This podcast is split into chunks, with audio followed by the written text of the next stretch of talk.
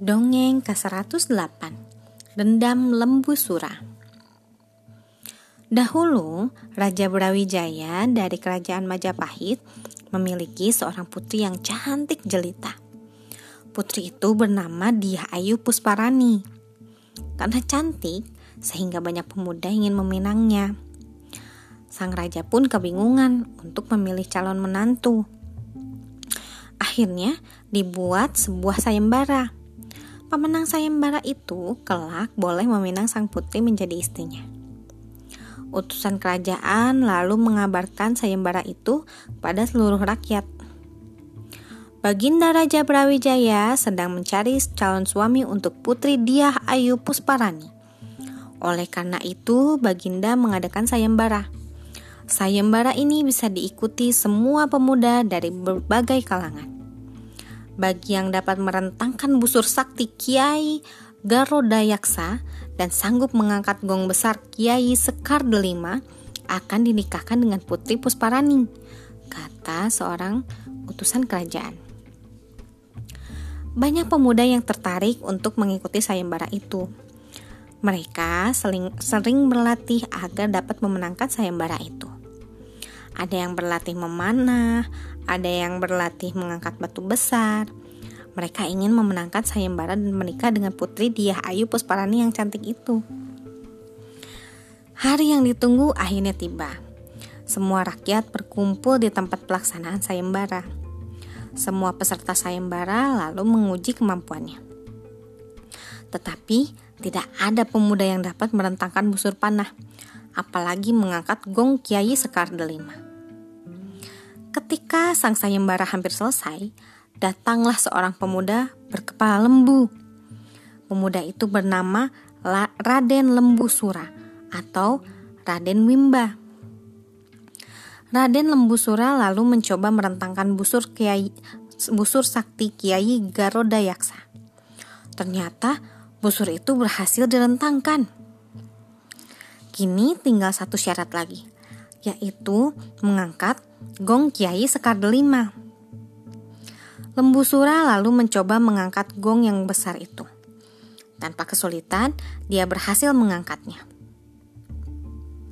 Akhirnya, hanya Raden Lembu Sura yang mampu berhasil memenuhi syarat yang diminta Raja Brawijaya.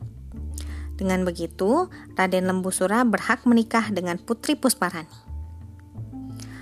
Ketika mengetahui Lembu Sura memenangkan sayembara, Putri Pusparani merasa marah.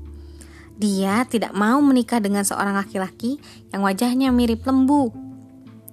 Namun, bagaimanapun janji seorang raja harus ditepati. Putri Pusparani kemudian menemui emban kepercayaannya. Emban, aku tidak mau menikah dengan Lembu Sura. Meskipun dia sangat sakti, aku tetap tidak mau menikah dengan orang berwajah lembu, kata sang putri sambil menangis. Sang emban lalu mencari ide agar sang putri tidak menikah dengan sang lembu sura. Akhirnya, emban mengusulkan agar sang putri memberikan satu syarat lagi pada lembu sura. Syaratnya, lembu sura harus membuat sebuah sumur di puncak Gunung Kelut. Syarat itu sepertinya tidak mungkin dilaksanakan lembu sura Gunung Kelut merupakan gunung berapi, jadi tidak mungkin ada mata air di dalamnya. Baik emban, aku akan mengajukan syarat itu pada lembu sura, kata sang putri. Sang putri pun menemui lembu sura. Lembu sura yang memenangkan sayembara itu langsung meminang putri Pusparani untuk menjadi istrinya. Sebelum aku menikah denganmu, aku masih punya satu syarat lagi. Syaratnya, kau harus membuat sumur di puncak Gunung Kelut, kata sang putri. Lembu Sura pun menyanggupi permintaan sang putri. Dia lalu pergi ke puncak Gunung Kelut. Dengan kesaktiannya, Lembu Sura berhasil membuat sebuah lubang yang sangat dalam. Melihat hal itu, Putri Pusparani meminta bantuan ayahnya, Raja Brawijaya. Sang putri mengaku kalau sebenarnya dia tidak ingin menikah dengan lembu sura. Raja Brawijaya pun lalu memanggil dan menyuruh pengawalnya untuk mengubur lembu sura hidup-hidup. Ketika lembu sura sedang menggali sumur, para pengawal raja segera menimbun sumur itu dengan tanah dan bebatuan besar. Lembu Sura pun terkubur di dalam dasar lubang itu. Di dalam sumur, Lembu Sura mengancam Raja Brawijaya. Kau benar-benar sangat licik, Brawijaya. Ingatlah, setiap dua windu sekali, aku akan membalaskan dendamku. Aku akan merusak tanah dan semua yang hidup di kerajaanmu, kata Lembu Sura. Semua orang yang mendengar ancaman Lembu Sura sangat ketakutan. Raja Brawijaya lalu membuat sebuah tanggul untuk mencegah Lembu Sura keluar dari lubang. Sekarang tanggul itu dikenal dengan nama Gunung Pegat.